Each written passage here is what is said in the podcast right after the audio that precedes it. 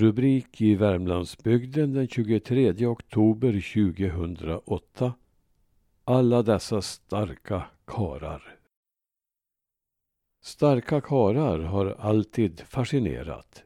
Om sådana går många muntliga berättelser och ganska säkert har de bättrats på efterhand. Ungefär som med fiskehistorier. Men en kärna av sanning finns alltid och visst har många kraftprov utförts. Det mest utmärkande med de starka kararna är att de alla levde förr och att fakta är svåra att kontrollera. Min far berättade gärna om och beundrade dessa starka män. Men aldrig talade han om själv att han marklyft 280 kilo eller hur han huggit och barkat 10 kubikmeter timmer på en dag med handverktyg. Inte heller hur han blev lovad en häst om han jordlyfte en stor sten och att han lyckades. Morbrodern som lovat honom belöningen smackade på hästen och gav sig diskret och stad. Detta har andra berättat. Själv upplevde han sig aldrig som särskilt stark och skulle nog ha blivit en aning generad om han hade kunnat läsa detta. Kanske visste han att det var dessa kraftprov i ungdomen som fördärvade hans rygg. Kanske jämförde han sig med de män som levde i skrönorna. Dessa som böjde hästskor och lyfte hästar. Eller nysockningen som klagade på att hans son ständigt bröt av hans järnspett. Men starka karars prestationer kan vara av de mest skiftande slag. Slätt-Marcus kallades en man som kom från Sundhult men som bodde sitt vuxna liv på Holmberget vid Vingängsjön. Han hette egentligen Marcus Karlsson och saknade en del förståndsgåvor. Men styrka hade han.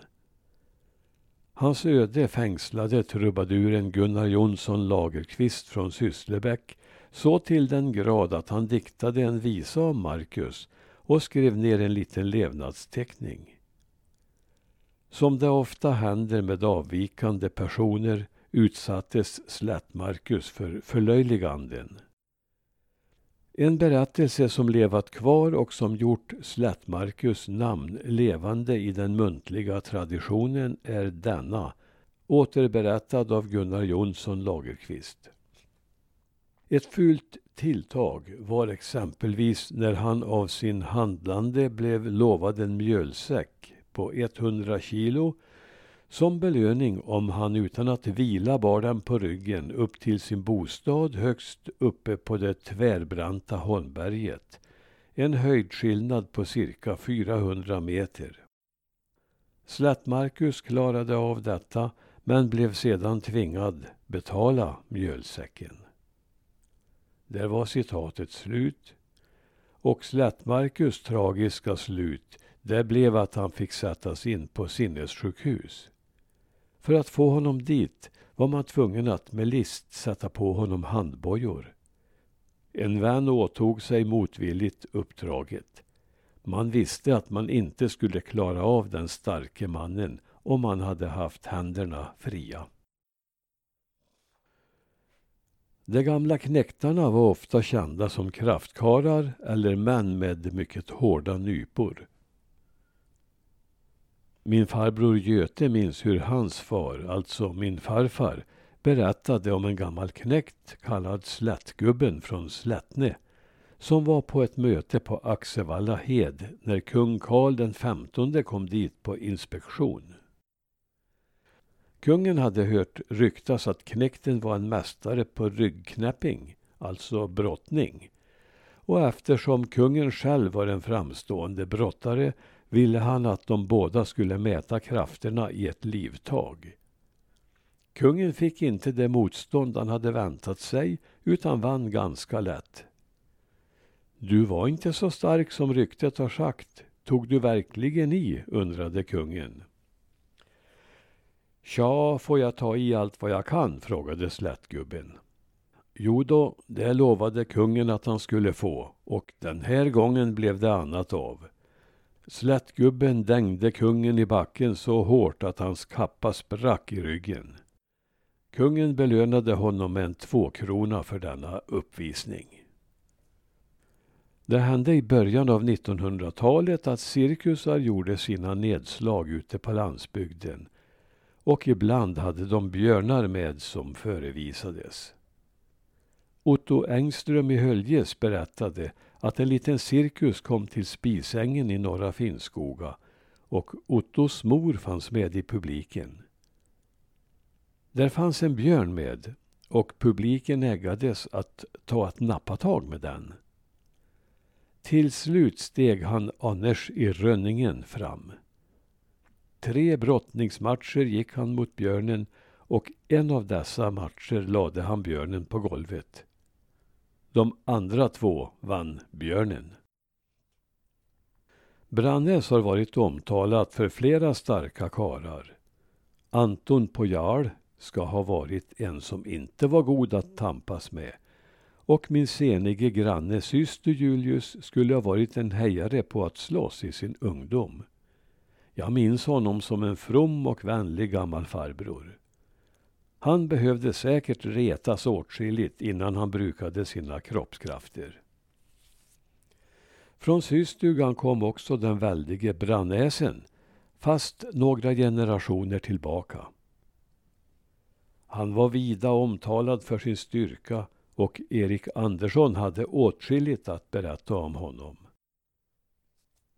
Brannäsen som egentligen hette Jöns, kallad Gärs, föddes 1780 och blev bara 28 år gammal.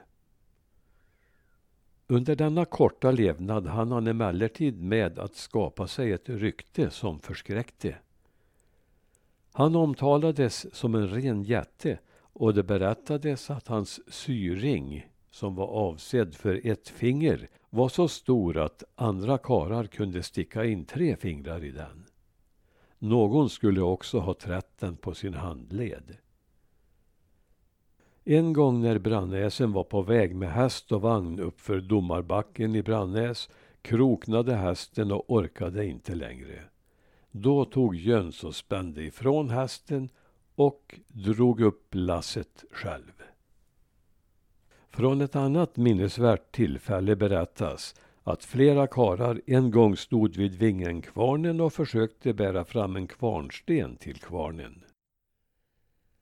Den som då uppenbarade sig var Jöns, brannäsen, som stack armen genom hålet i stenen och bar den i armkroken dit den skulle.